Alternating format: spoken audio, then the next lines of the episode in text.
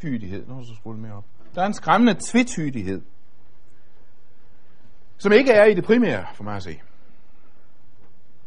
På den ene side er de nødvendige bibelske temaer, og vores troværdighed afhænger af, at de får plads.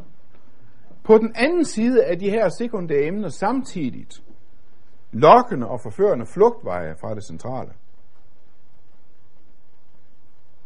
Og det er en spænding, der ikke er spøge med.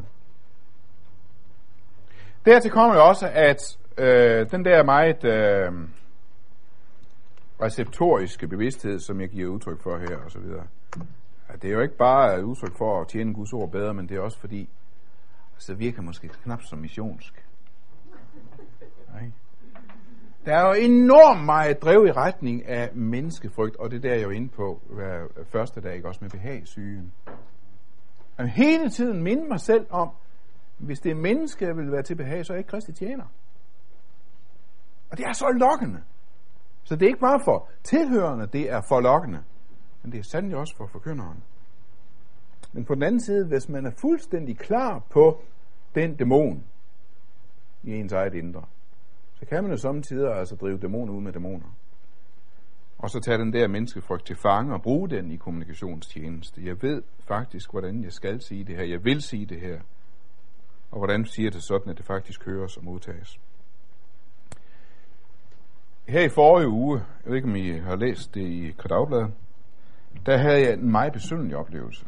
Vi var to personer, begge fra missionske miljøer, som blev interviewet i Kredavbladet om jagten på Guds kærlighed. Jeg havde fortalt om, hvordan i mit missionske hjem, der var jeg blevet opdraget til at tro på en kærlig, omsorgsfuld Gud. Den anden hævdede, at hun i sit missionske hjem var blevet opdraget i frygt og skyld og skam, med troen på en dømmende og straffende Gud. Begge hjem var missionske, begge hjem var lutherske, og alligevel to så helt forskellige gudsbilleder fremstod det i hvert fald sådan. Samtidig har jeg simpelthen været chokeret over at lægge mærke til, at nøjagtigt samme dogmatiske grundsyn, fuldstændig identiske læreformer, i detaljer enslydende kristendommer, kan resultere i helt uforenelige gudsbilleder i forkyndelsen. Og nøjagtigt samme dogmatiske skelet kan den ene forkynder modellere et hårdt, mistænksomt, skulende, krævende, dømmende gudsbillede, og den anden forkynder kan modellere et kærligt, frigørende, lene og barmhjertigt gudsbillede. Man kan opleve de samme missionsforening, samme menighed, endda i samme familie, og må erkende, at den forskel er ikke dogmatisk bestemt. Den er måske ikke engang eksegetisk bestemt. Den er psykisk. Den er ikke bestemt af eksegetiske resultater, men af psykisk bagage, af forældrebilleder, selvbilleder, traumatiske oplevelser, gener, opvægtrelationer, pottertræning og hvad ved jeg. Og det er for mig et skræmmende aspekt. Det skal ikke komme bag på os, for det er for så vidt indeholdt i den bibelske forståelse af mennesket, at vi er en enhed af sjæl, læme og ånd, og man kan ikke henvende sig til et menneske, som om det bestod af ren ånd. Side 4 midt, Olaf Schevesland. Forvandlende prædiken opstår, hvor bibelindsigt smelter sammen med dyb kundskab om verden og forstand på det, som bor i mennesket. Forkyndelse med fuldmagt kommer af stativs den kendtnis der vælt, skrev Dietrich Bonhoeffer. Det er, og det erkender jeg i dag her, meget skævvredet i retning af det oplevelige og det psykiske. Det er fuldstændig klar over. Betyder alt det med opleveligheden noget? En af mine første erindringer som helt ung i øh, de unges bibelkreds i Aalborg, det var et ophold på en bibelcamping i Norge, hvor der så en aften, hvor var jeg, en stor teenager eller sådan noget, der var en aften, hvor vi havde set rigtig mange gå frem til scenen. Det var sådan en markering af, at de ønsker at tage et afgørende skridt og komme til omvendelse. Og det bevægede mig meget at se store mandfolk stå der og græde som små børn, fordi Gud har rørt ved dem. Og så bagefter, vi stod i så i en lille kreds og prøvede at fordøje oplevelsen, der var der så en, som sagde, at det var næsten som om det der foran, foran scenen var et helligt sted. Det gjorde noget ved folk. Og den gik rent ind. Jeg havde altid gerne ville se et helligt sted. Når jeg aldrig har set andet end salen i, i Bethesda og hytten i Nørholm, så kunne ikke noget komme bedre til pas. Så jeg læste mig senere op gennem det der mennesketomme telt, der så sidst på aftenen, op til scenen og stod der og kiggede lidt. Og for at det ikke skal være løgn, så gik jeg så lidt frem og tilbage derop. Hvorfor? For at se, om jeg kunne mærke noget. Selvfølgelig. Jeg længtes i den grad efter at mærke noget, efter at opleve Guds ånd røre ved mig. Jeg havde set mennesker opleve noget, bevæges, og her var måske et sted. Men jeg mærker ikke en brik. Og den gode Hans Lundby, som nu er prædikant i Luthers Mission, tog mig i skole og forklarede også, at efter evangelisk luthersk lærer findes der ikke sådan noget som hellige steder. Og han er selvfølgelig ret, desværre. Jeg kan ikke huske ret meget fra den tur. Jeg kan helt taget ikke huske ret meget fra de år overhovedet.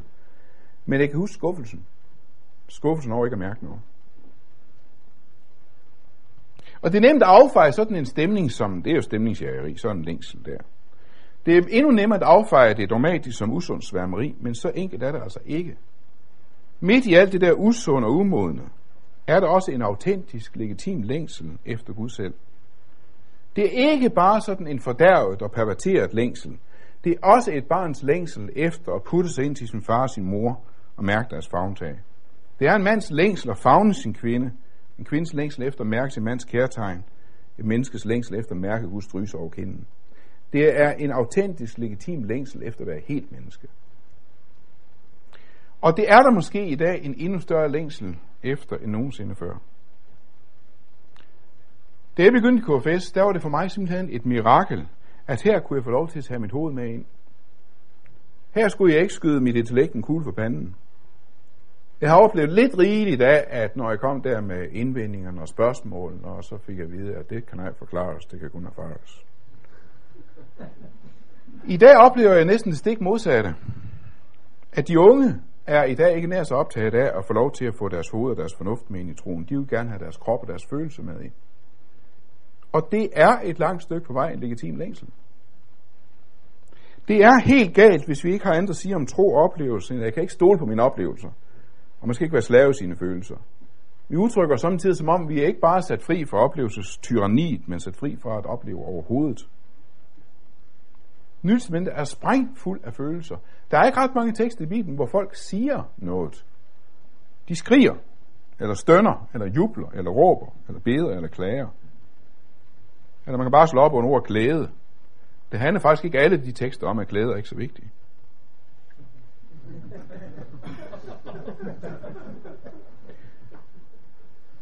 Jeg gentager, hvad jeg nævnte i går. Vi er ikke herre over jeres tro med medarbejdere på jeres glæde. I står jo allerede i troen. Nu arbejder vi med glæde. Så dristigt, altså, jeg, jeg, hvis, hvis der var en, så, en forkynder, som sagde, der, øh, sagde sådan til en, til en menighed, så ville jeg simpelthen sige, det var betænkeligt, det der. Men han siger faktisk, nu er troen på plads, nu arbejder vi på glæden. Mæt mig med fryd og glæde. Jamen hvorfor det? De der glade oplevelser, er det ikke et luksus, sådan en krydderi, som man kan tilsætte eller lade være? Nej, glæden er Guds væsen. Glæden er, hvad vi er skabt til. Og at glæden ikke altid lader sig gøre i denne verden, det er en unaturlig situation. Glædesløsheden, lidelsen, det er et kors, Gud lægger på os. Men det er ikke et kors, vi skal lægge på hinanden. Det vi skal for hinanden, det er at være medarbejder på hinandens glæde. Jamen hvis nu nogen af os får en masse oplevelser, hvad så med de andre? Eller vi andre? Skal oplevelsen til at styre møderne? Gudstjenesten? Skal vi til at have folk, til folk til at falde i ånden og ligge og vride sig af grin? Næste stadie er det tungetalen. Og endnu vigtigere, hvad med evangeliets objektive sandhed? Det helt grundlæggende, at evangeliet og nådestanden, Guds forhold, afhænger ikke af oplevelsen. Og så er jo ellers banen kridtet op. Hvem skal styre vores samvær og vores fællesskab og vores møder og vores gudstjenester? Og hvad er forkynderens opgave? Flemming, var det ikke dig, der engang citerede en eller anden, et eller andet referat fra et meningsrådsmøde, at efter kaffen orienterede provsten om noget? ja.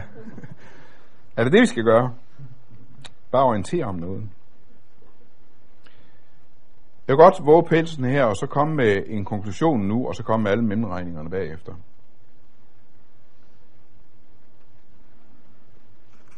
Det er side 4. Et vers, jeg holder utrolig meget af. Apostlenes Gerninger 3. Derfor skal I omvende jer og vende om, for at jeres sønder kan blive slettet ud. Så skal de tider komme fra Herren, da vi kan ånde frit. Ånde frit. Det er, hvad man gør i evangeliet. Det er, hvad man gør i Guds rige. Man ånder frit. Det var godt, vi fik en ny oversættelse her. Husværdelsens tider, stod det i den gamle, og hvem i verden ved, hvad husværdelse er for noget. Vi må ånde frit. Hvad er det, jeg må være fri til? To ting.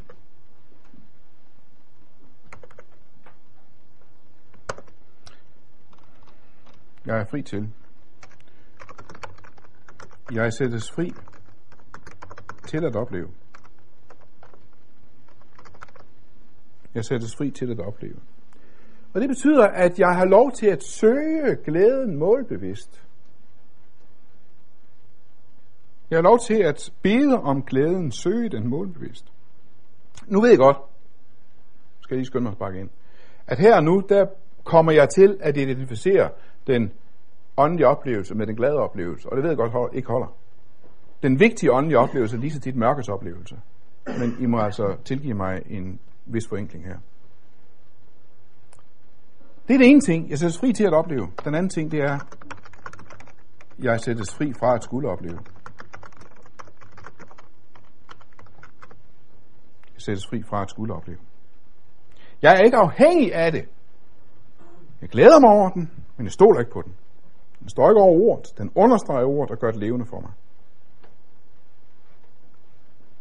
Og jeg ser for mig, at det kunne faktisk godt være vores dobbelte vision, både som forkyndere og som fællesskaber og som øh, øh, øh programlægger og så videre. Tænk om det kunne være en virkelighed hos os, at vi sættes fri til det.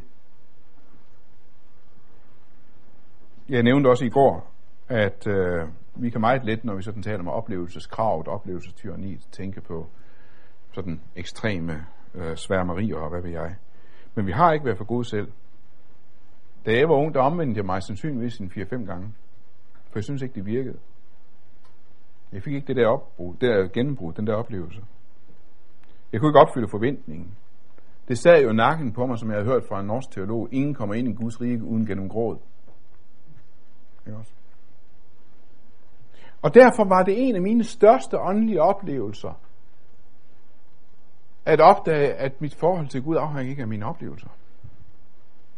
Det var allerede skænket mig gennem forsoningen på korset, gennem retfærdiggørelsen ved tro. Og langt senere gik det så også op for mig, det havde vist også med dåben at gøre. Hvis ikke jeg blev klar over det, kan jeg ikke se, hvordan jeg skulle kunne overleve som kristen.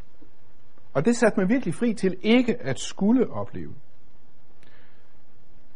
Men jeg sætter os også fri til at opleve, til at søge den glade oplevelse bevidst. Og øh, nu prøver jeg sådan, og det er meget hjemmelavet, at skældne lidt her. Hvad er det egentlig for oplevelse, jeg snakker om? Vi kan godt sætte det op på et spektrum, hvis man vil. Derfor det første erkendelsen. Den personlige tilegnelse. Vi vil nok ikke måske kalde det en oplevelse, men samtidig kalder vi det for erfaring. Det går op for mig, at Jesus døde ikke bare for verden, men for mig. Det bliver mit. Han skal ikke bare, at verden elsker mig. Viden er ikke det samme som vidshed. Viden, den kan være kold og formel. Det kan være dæmonernes tro, som ved om Gud, men de kender ham ikke. Erkendelsen, det er den oplevelse, hvor det går op for mig, at det bliver mit. Der kan for det første være, nej, slutter det for den være den gudgivende tanke.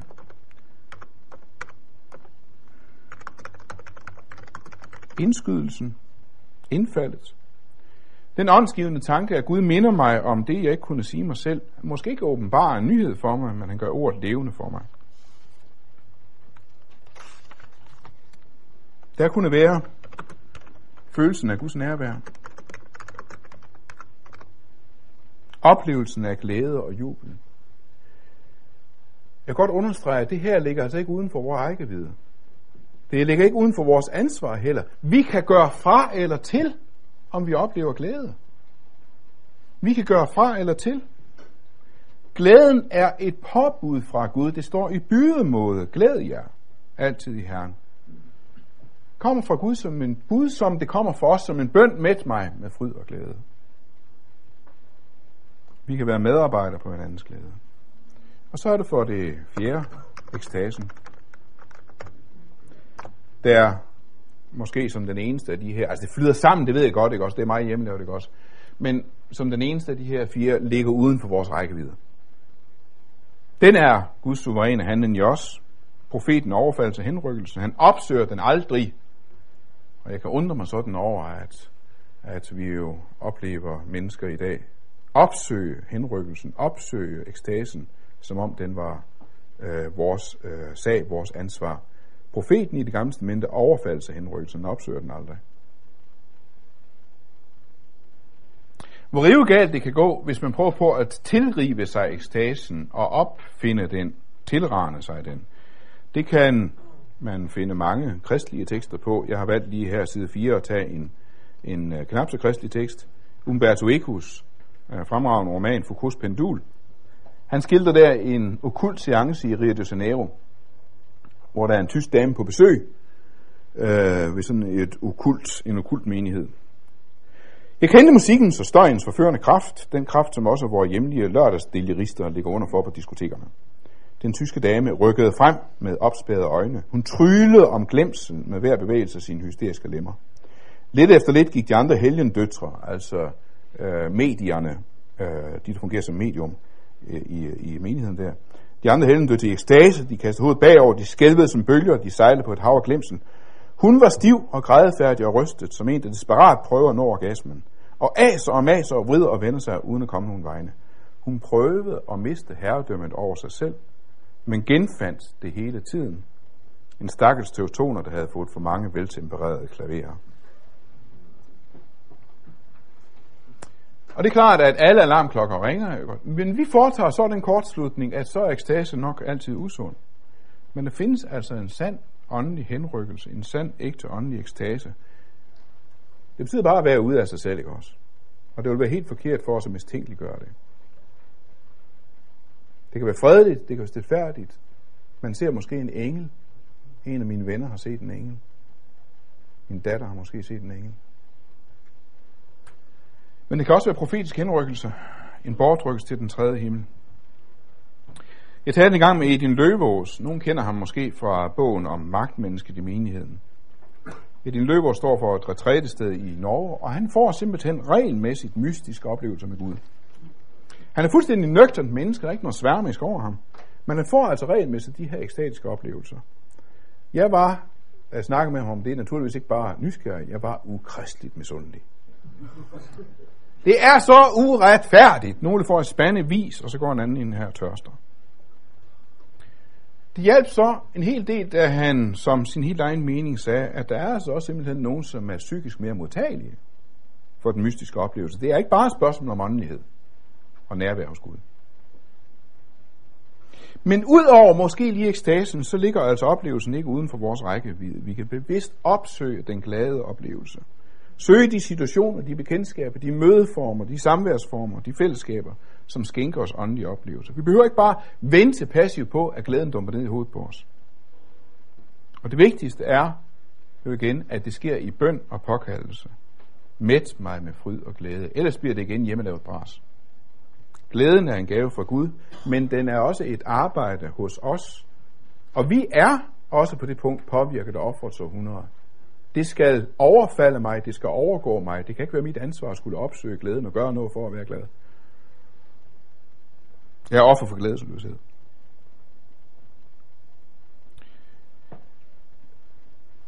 Som yngre forkynder, der havde det meget tvetydigt med det der med at være bevidst omkring formuleringer og virkemidler og former, som virker følelsesmæssigt.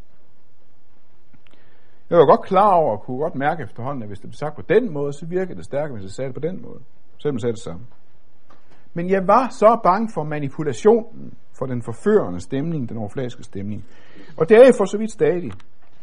Men jeg har altså samtidig fundet hvile i det menneskesyn, at vi er en helhed af ånd, sjæl og læme. Vi fungerer ikke som tre adskilte dele, men så kan henvende sig til separat. Man kan ikke henvende sig til ånden, og så lade sjælen og lægemet være. Hvad der sker med kroppen, vil også påvirke ånden og sjælen. Hvad sker i vores sjæl og vores følelse, vil også røre ved vores ånd og vores krop. Hvorfor er i dag de karismatiske kirker de, mest, de hurtigst voksende i verden? Helt ærligt tror jeg ikke, at det er fordi, det er sandest og mest bibelsk. Men de giver rum for oplevelsen.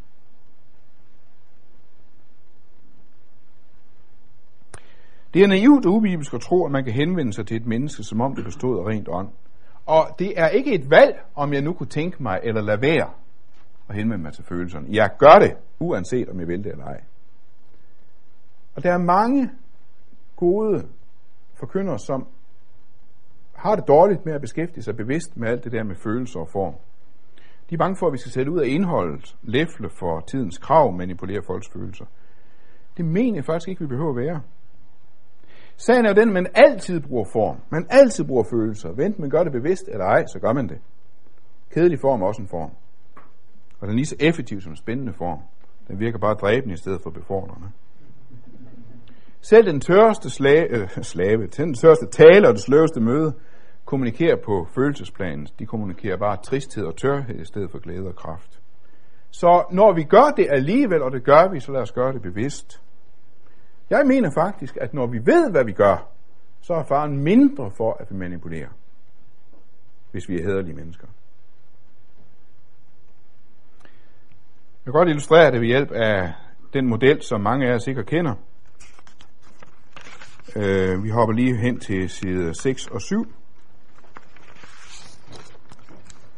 Øh, side 6 og 7, der har I to ark, øh, hvor jeg altså har hugget Tog han Grevbos model, som han vist nok har hugget andet sted fra, sådan går det, med de fire personlighedstyper. Den selvstændige type, den selvhengivende type, den løslukkende type og den ordentlige type. Den selvstændige type, den meget fornuftsorienterede kristendom, er for den selvstændige væsentligst sandhedserkendelse. Man kan være meget kajtet over for følelser, og hovedord, det er så sandhed. Han kan opleve sig selv som sådan et hus, hvor af de der fire døre, trøsten, valget, følelsen og forstanden, jamen der er den der med trøsten, han er fuldstændig øh, øh, låst fast der. Er spærret og boltet, der er ikke noget at gøre. Følelsen, den er han ikke særlig øh, fortrolig med. Han har det, men han kan ikke rigtig håndtere det. Valget, den er ikke låst i det mindste. Den dør, der står på hvidgab, det er forstandens følelse for den selvstændige. Helt anderledes er det med den selvgivende. Han har også en boltet og låst dør. Det er forstanden. Den, der er åben på vidgab, det er trøsten. Valget, ja, den er ikke boltet og spærret, men den er nok sådan låst. Følelsen, den er ikke låst, men den skal altså lige åbnes først. Den ordentlige type, han er uvurderlig i planlægning. Han er uvurderlig i alt det praktiske, det systematiske, men han kan være meget kritisk og mistænksom over for alt nyt. Hovedord for det orden, den ordentlige, det er jo altså orden, ordning mod sign. Gud er ikke forvirringens Gud. Der er følelsen og trøsten ret spærret for ham, men den, der står vidt åben, det er valget. Der skal orden på tingene, jeg må vælge. Kast mig ud på de 70.000 fagne. Den løslukkende, har en vidt åben dør ind til følelsen. Det er den kreative, den uagerlige, fuldstændig uvurderlige visionsarbejdet, nytænkningen, han er helt katastrofalt bestyrelsesarbejde. Hovedord der, det er frihed. Altså hovedord for den selvstændige, det er sandhed, ikke også? Kristendom, det er sandhed. Den selvstændige. Hovedord for den selvhengivende, det er kærlighed. Det er kærlighed. Hovedord for den ordentlige, det er selvfølgelig orden og hovedet for den løslukkende, det er frihed. Nu er det jo altså et emne helt øh, enormt og helt for sig. Øh, mange er helt fortrolige med det. Men desværre har de kristne kirker og de kristne traditioner, også i vores forkyndelse, i vores mødeformer, haft det med udelukkende at dele os ind efter en bestemt personlighedstype. Og det er derfor, vi faktisk ser, at folk i dag jo ikke deler sig ind i kirker efter tro og troslærer, men efter temperament og type. Der er ingen af os, der er rene typer her. Vi er selvfølgelig blandingstyper alle sammen. Men alligevel oplever vi, at der er forskellige døre, forskellige indgange for Guds ånd i de forskellige typer. Se, jeg står for døren og banker, siger Jesus. Og der går Jesus nogle gange ind ad den dør, hvor der er åben vej ind i et menneskesind. Hvis den ene dør er låst og lukket, så tager han så ikke en gummiged og hammer sig igennem væggen. Fordi han insisterer altså på, at han skal ind gennem valgets dør. Det er den rigtige dør. Nej, han går der ind den dør, hvor der er åbent. Hvis et menneske har åben dør på følelsernes væg, så insisterer han ikke på at hamre sig vej ind gennem forstandens væg. Hvis et menneske har åben dør på forstandens vej, eh, eh, væg, insisterer han så ikke på at hamre sig ind ad viljens væg. Jesus går ind den dør, der går på de letteste hængsler. Han ved det godt, at de mennesker, som hælder mest til den ene side, bør netop lære den modsatte side. Og det er noget af det, tror jeg, han Grevbro også har lært os, at den mest spændende og mest dynamiske vækst sker i den side, hvor jeg er svagest.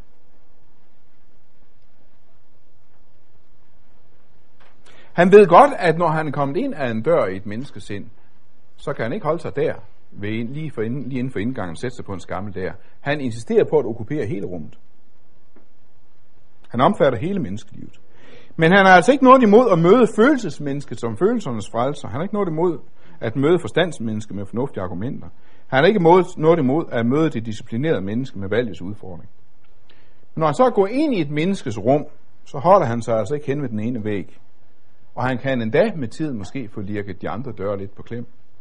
Så der kan blive lidt gennemtræk, og vinden kan blæse, hvorhen den vil, og vi hører den susen. Men det er faktisk sådan, at sådan nogle lukkede og låste døre åbnes bedst indefra. Med en nøgle, kærlighedens nøgle, samtidig også med kærlighedens kniptang, der skal tage hårdt ved. Jeg er fuldstændig klar over, at alt det her, det er jo ikke centralt, vel? Vi snakker periferi her. Begribeligvis. Døre sidder ikke i centrum. Centrum, det er menneskets ånd. Men jeg må faktisk ind ad de her døre for at nå frem til menneskets ånd. Jeg kan ikke insistere på at udelukkende ville tale med et menneske via det centrum. Så kommer jeg aldrig ind til det. Når vi har så svært ved at forstå den her gudgivende forskellighed, så viste det sig for eksempel i den her gængse mistænkeliggørelse af følelserne iblandt os. En af de første fraser, jeg har lært som lutske kristne, det er, du kan ikke stole på dine følelser. Og det er jo rigtigt nok, ikke også? Det er jo faktisk pragtfuldt. Følelser, de kan komme og gå, men frelsen. Men øh, hvad skal jeg så stole på? Fornuften? Nej, fornuften kan der virkelig ikke fatte Guds rige med. Korset er en dårskab, du kommer ikke ind i Guds rige ved din forstand. Nå, okay, altså hverken forstand eller følelse kan jeg bruge til noget, men, øh, men så er der viljen tilbage. Ja, hvordan er han nu med den? Han er ikke trælbunden. Den kan jeg faktisk heller ikke gribe ud til nu. Sagen er jo den, at intet af dette er vort er jo uskadt. Det er alt sammen ødelagt og fordærvet af syndefaldet. Der er intet af det, som stadig er autentisk og uskadt. Men der er intet af det, Gud heller ikke bruger. Der er intet af det, Gud ikke bruger. Han helliger det. Følelse, forstand og vilje. Forstanden er ikke mere ubrugelig, end følelserne er. Følelserne er ikke mere ubrugelige, end viljen er. Det går de stykker alt sammen, og Gud bruger det alt sammen. Fordi hans ord nyskaber det alt sammen.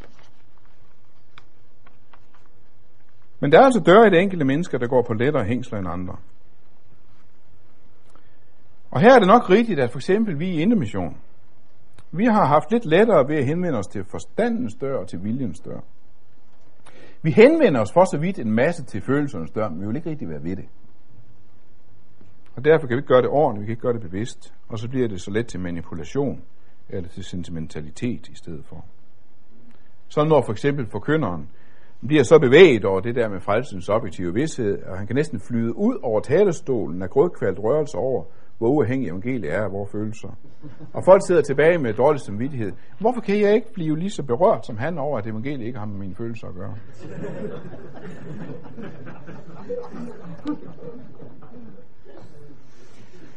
Så jeg runde af med at minde om de mange måder, Guds ord kan nå os på, ud over forkyndelsen måde, som særligt henvender sig til oplevelsen, som kan bevæge os og løfte os og glæde os. Jeg tror, at her står vi med en markant dobbelt udfordring. Vi står med en markant udfordring til alle tilhører. Nu må I ikke være så formfixerede.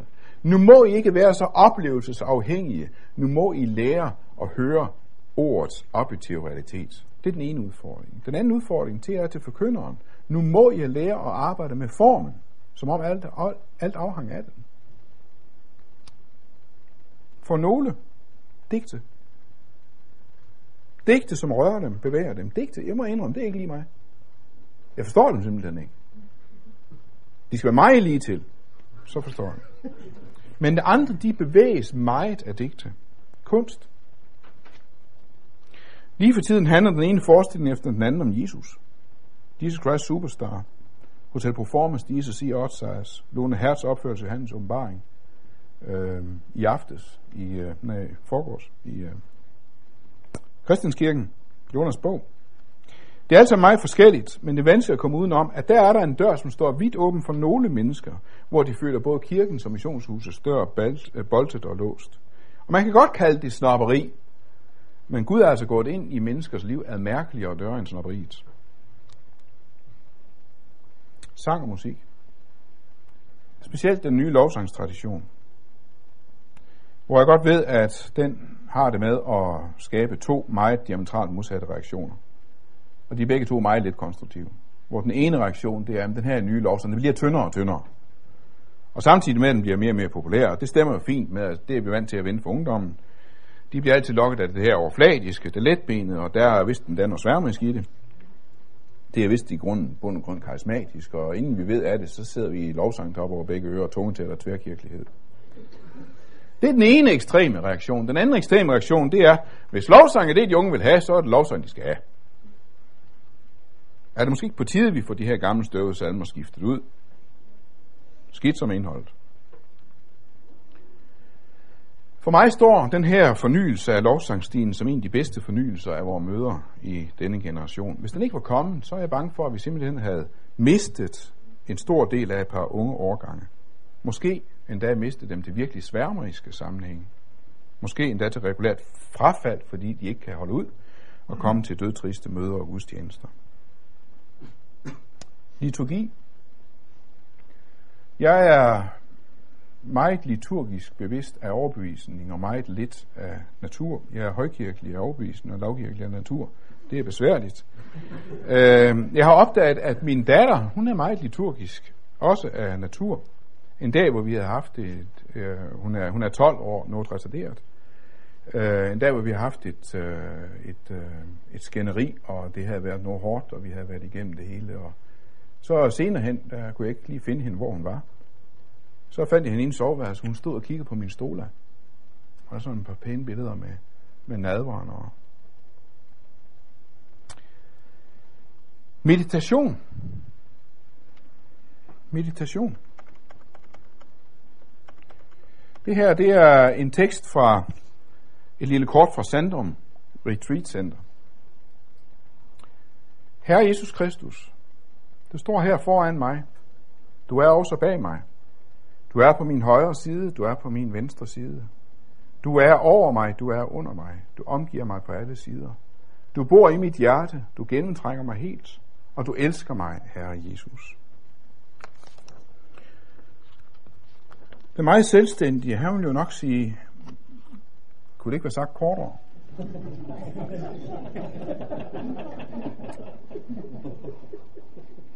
Men det kunne det jo godt.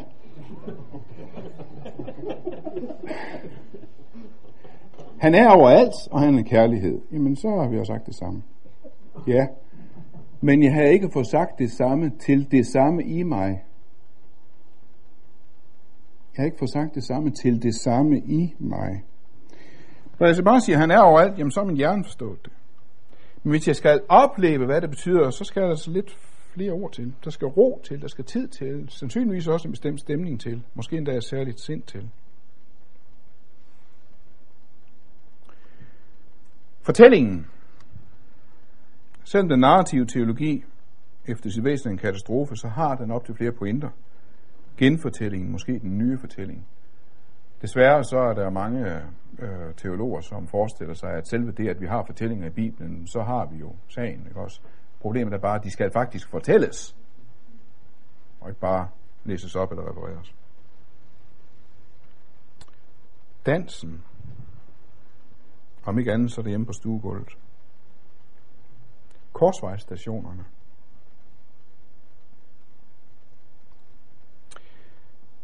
Jeg kan godt opleve det sådan, at vi befinder os i dag i et næsten sønderrivende spændingsfelt. Vi har én i sådan en togtrækningskonkurrence én person stående på den ene side. Det er den lutherske pol.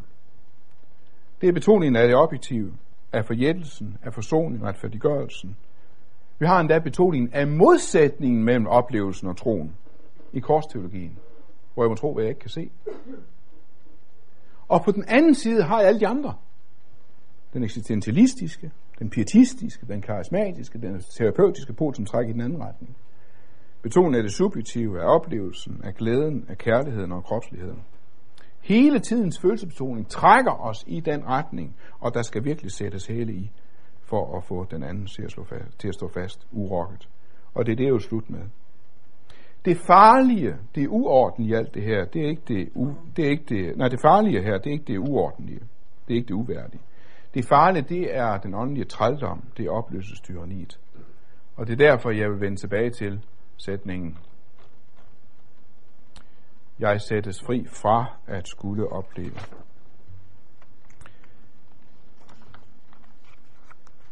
Øhm, jeg havde for halvanden år siden en af de voldsomste åndelige oplevelser, jeg nogensinde har haft.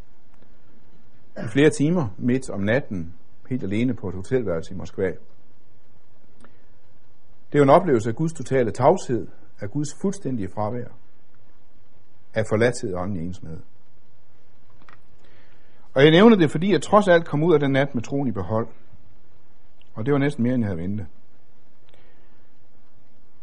Og så fordi jeg kom ud af med den sætning, som jeg før vågede at sætte ord på, og det er første gang, jeg har våget det, at jeg aldrig mærker Guds nærvær i min andagt. Jeg kan høre hans ord i forkyndelsen, men jeg har aldrig oplevet hans nærvær i min egen andagt. Og jeg synes ikke, han kan være bekendt. Jeg har næsten som om, jeg stadigvæk går frem og tilbage der foran scenen, for at se, om jeg kan mærke noget. Pointen er her, jeg er sat fri fra at skulle opleve. Jeg er nødt til at mærke Guds kærlighed. Jeg er nødt til at mærke Guds nærvær. Hvor mærker jeg den? Jeg har ofte haft øh, sådan et, et billede i baghovedet, og jeg bruger det ofte, og jeg kan ikke dø mig for at bruge det igen. Øh, et billede af en, og jeg ved ikke om jeg har, jeg kan næsten se det fysisk for mig, jeg ved ikke om jeg har set det, eller læst det, eller set det i en film. Men det er en, øh, en øh, meget skrab far, en meget streng far, en hård far, som har forløbet sig over for sine børn, skældt og smelt og smækket. Og, og det er det så en ven, som har, en af farens venner, som har overværet. Og så, øh, efter at faren så er der faldet noget ned, så forholder vennen ham den der strenghed, den der hårdhed. Og så er det, jeg næsten fysisk kan se for mig faren sidde sådan på stolen og, og vende sig og vride sig og jamen, de ved, at jeg holder af dem. Nej, det gør de ikke. Hvor skulle de vide det fra? Man er nødt til at mærke det, man er nødt til at se det, man er nødt til at opleve det. Jeg har mærket Guds nærvær i Jesus Kristus, i Jesus Nazareth. Kommende mig gående i møde. Der blev det ikke snak bare. I ham har jeg nok. I ham er nåden ikke noget, de skal nøjes med. Jeg kan se for mig tilsvarende Gud sidde der på tronen i himlen, og vi kommer med al vores gråd og vores fortvivlelse og vores klager og vores længsel. Og Gud siger, jamen, I ved, jeg holder af, gør I ikke? Nej, hvor skulle vi vide det fra? Hvis ikke vi mærker det. Jeg er nødt til at mærke det, jeg kan bare tage snak for det. Og Jesus har jeg mærket det. Der er han kommet mig i møde i forkyndelsen, i jeres forkyndelse. Tak. Der er så cirka et kvarter til øh, indlæg til drøftelsen.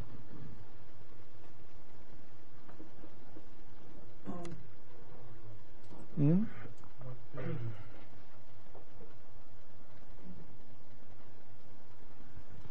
Kan vil blive det der, vil gerne blive det der med øh, sin længselen efter at føle Guds nærvær. Ja. Jeg synes, jeg, jeg møder det øh, meget markant, når, når der kommer... Jeg har en del unge mennesker, øh, efterskoleelever, som, øh, som indimellem taler med. Og der oplever det meget markant, at, øh, at de spørger efter Ja. den her følelse af Guds nærvær og oplevelsen af, at, Ja. at Gud er der. Øhm, og jeg har nogle gange været, været noget i tvivl om, hvordan jeg skulle håndtere det Ja. i en sjældesovs-situation. Kan du sige lidt om det? Altså, det er jo, det er jo så fremtrædende, at næsten al religiøsitet i dag går i den retning. Øh, og øh, den umiddelbare reaktion kunne jo være først at sætte hælen i og sige, ved hvad, så nu skal jeg slet ikke beskæftige mig det, er fuldstændig ligegyldigt. Men det er ikke rigtigt. Udfordringen må være for mig at se, at vi både kommer det i møde og udfordrer det. At vi kommer det i møde på den måde, at vi siger, jamen, øh, Hvor er der måder at møde Guds ord på, som bevæger dem mere end andre? Og der er vi vidt forskellige. Min kone har slet ikke det der, øh, den der oplevelse af, at det er i forkyndelsen at opleve Guds nærvær. Det er i bønden. Ikke også? Og hvor vi så udfordrer øh, hinanden og de unge til, at jamen, øh, jamen, der kan være steder, der kan være former, der kan være måder, I er sammen på som unge, som rører jer mere og bevæger jer mere, og det har vi brug for som mennesker. Og det er den ene ting, vi har at sige til dem. Den anden ting, det er at udfordre dem og sige, hvis I bliver afhængige af det der, hvis I bliver følelsesjunkies, øh, så, øh, øh, så går I ned på det. Øh, det er legitimt at søge glæden, men det er dødeligt at være afhængig af den. Og så øh, du noget om korsteologi simpelthen. Jeg kunne godt tænke mig at øh, også udstille eller, eller øh, få respons på en sjælesovs øh, praksis, jeg så selv øh, bruger. Øh, en, en af de gaver, vi har fået, det er jo netop, at vi må bede sammen, ikke, som kristne, og, og vi har også fået nogle synlige udtryk for det med, med bøn med håndspålæggelse og sådan ting. Og det gør ofte et meget stærkt indtryk på de unge, og det er egentlig kommet, kommet lidt bag på mig, fordi jeg har egentlig mest tilbudt det som noget, der skulle gøre det mere konkret, og ikke egentlig som noget, der skulle opfylde deres, mm. deres længsel efter at føle, at ja. Gud hører og berører. Men, men hvordan... Øh, jeg, jeg har nogle gange følt, at, at, at jeg måske er gået for vidt der, i at bruge det middel okay. med bøn med håndspålæggelse, fordi det er blevet modtaget på den måde, det er blevet modtaget. Hvor, hvorfor? Jamen fordi reaktionen har været øh, en meget, meget stærk følelsesmæssig reaktion egentlig. Ja. Særligt fra, fra helt unge mennesker. Og så reagerer du med bekymring på det, hvorfor? Så, så tænker jeg, har, har jeg så levet op til mit ansvar også for at vise hen til den objektive ja. side af det? Jo, ja. det er fuldstændig rigtigt, ikke også? Øh, men altså, det er jo den risiko, vi løber. Når mennesker sidder der med deres sult, og Jesus kommer og mætter den sult, og bagefter må regne rundt og sige, men arbejde nu ikke for det her. Arbejde for den masse, som arbejder til evigt liv. Det er den risiko, vi løber væk at komme menneskers behov i møde. Men det betyder altså ikke, at vi skal komme deres behov i møde, når vi kan gøre det legitimt. Øhm, noget af det der er jo, altså giver jo i dag helt fantastiske muligheder. Altså jeg har været oppe og have hvad hedder, Vibeke Tuxen, øh, øh, konfirmander en dag, og de øh, bedt mig om at komme og sige noget om, om bøn og bedeskuffelse og sådan noget. Det er så færdigt, og det er fuldstændig normalt, øh, ubehøvede konfirmander osv. Nu skal vi ned i kirken og bede. Okay. Og så går vi ind i kirken, op til knæfaldet, derop knæler de, og så siger de, og hvem har noget? Min bedstefar, ikke også? Øh, og min kanin. Og, og så beder de for det. Fuldstændig uden skrubler. Det er helt fantastisk. Jamen altså, øh, så skal vi altså være nogle svin, hvis vi siger, at øh, ej, de er vist for glade for det der. Bare lige, bare lige et par tanker i, i relation til det her. Øhm, jeg synes, det er godt, du understreger den følelsesmæssige side. Altså, vi, vi er hele mennesker, og evangeliet vil møde os som, som hele mennesker. Men der, hvor nogle unge som ældre søger det følelsesmæssige, der vil jeg, ud fra min beskedende erfaring, uh, sige, jamen søg ikke følelsen, men søg Jesus. Ja. Følelser er der. Det afhænger helt af, dit, af, din, af den person, du er. Ja, ja det gør det. Søg Kristus. Ja, søg. Bliv ved med at søge ham. Uanset om du får oplevelser, eller, du får, eller, eller hvad du gør. Det er ham, du skal søge. Ja. Og så vil jeg for det andet også sige, at prøve at være ærlig omkring mig selv. Mm. Jeg har heller ikke altid mm. de stærke oplevelser. Jeg har måske kun sjældent haft det. Mm. Altså, lidt af det, som du selv var inde på flere gange, det er ok ikke at have følelser. Ja, det. Ja, jeg har ikke noget at indvende. Det er helt, helt enig. I, I den åndelige vejledning, der, der er man jo ikke bange for, når folk kommer og siger, at de har haft store oplevelser, så siger man jo til dem, det er fra Gud. Mm. Det har han givet dig, en gestus, en kærlighedserklæring til dig. Tag imod det og tak for det. Men vær også klar over, at der kommer stunder, hvor han giver dig ikke at føle noget som helst. Ja. Og så er det også Gud, der er på færre, ja. fordi han vil røre dig på dybere planer i dit liv, ja. hvor du skal erfare Guds fravær, mm. som er hans nærvær. Ja. Ikke?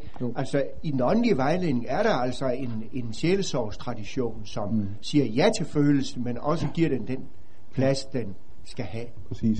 Altså den mørke oplevelse, som jeg også nævnte den, ikke også, og som jeg har valgt ikke rigtig at gå ind på i dag, Øh, ja. Øh, det med forholdet mellem det primære og det sekundære, der tænker jeg også på, at når vi forkynder noget end det primære, så kan vi behandle folk ens. Og når vi kommer til det sekundære, ja. så bliver der enormt stor forskel, og der bliver også grund for at bearbejde eller, eller tale om misundelse. Mm. Mm. Altså jeg har en kirketjener, som har noget, helbredelsens nådegave, men mm. det har tidligere givet noget splittelse, og han har trukket sig lidt ud og kommet i andre sammenhænge, og, okay. og for nylig tog jeg emnet omkring nådegave op, ikke også, og så, så er han der ikke også, og andre sidder og bliver meget nervøse, og tænker, hvad skal vi nu gøre, ikke også? Og, og, men du oplever det også som noget med misundelse? Ja, men jeg tænker også på misundelse. Altså er der en, der bliver helbredt, ikke også, så er der tre andre, der sidder stadigvæk og ja. syge, ikke også? Ja, ja, ja, jamen det er rigtigt, ja. ja. Men, men enormt meget af det her er jo så spændingsfyldt og tvetydigt, ikke også, at vi har jo fantastiske temaer at tage op i undervisningen, og, og sige, at jamen, så spændende er det at være kristen, så spændende er det at være menneske. Øh, ja. Jeg kunne godt have lyst til, at du lige sagde lidt omkring det der med det hverdagsnære. Fordi jeg har nogle gange haft en fornemmelse af, at, øh, at det er rigtigt, at folk efterspørger en forkyndelse, der siger dem noget i hverdagen. Ja. Men jeg er så bare ikke sikker på, at når man så gør det, at det så i virkeligheden er det, de ønsker. Mm. Fordi så kan man faktisk få nogle af de aller voldsomste negative reaktioner. Kan du ja, noget i retning af, altså det der eksempel, du kom med, det kan jeg overhovedet ikke identificere mig med, ikke også? Er det. Øh, altså, nu, det er fuldstændig rigtigt, ikke også? Og nogle gange kan man jo få, få på fornemmelsen, at øh, jamen, det er næsten galt, ligegyldigt hvad man gør. Det er det også, men ikke over for de samme mennesker.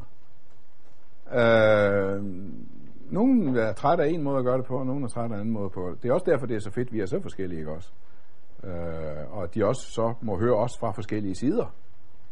Øh, og øhm, min kone, som øh, arbejder som familieterapeut, et af de bedste og vigtigste råd, hun kan give mennesker eller par, som, er kommet, som sidder fast i kommunikation, fuldstændig fastlåst kommunikation, det er at komme ud over det der med mere af det samme, ikke, også, som jeg nævnte den anden dag. Øh, gør noget andet. Gør noget, du ikke plejer. Hvis hun er vant til, hvis din kone er vant til at du altid skælder og smælder og bliver hissig. Så prøv at tude. Ikke lad som om, men find den, øh, find den gråd frem i det, som rent faktisk er der. Hvis han er vant til, at du bare sætter dig og hænger, jamen så øh, med, med, med næbet og, og holder sammen med, jamen så skru dig op til et ordentligt raserianfald. Og, altså gør noget nyt, gør noget andet. Det gælder så også mig i forkyndelsen. Jo. Jeg samtidig skal våge pelsen, og der har jeg skidt eksempler på, hvor jeg har våget pelsen, og det gik ikke særlig godt, ikke også? Men øh, det er det risiko, vi løber. Det er godt, vi tjener ind under Guds nåde, må jeg nok sige.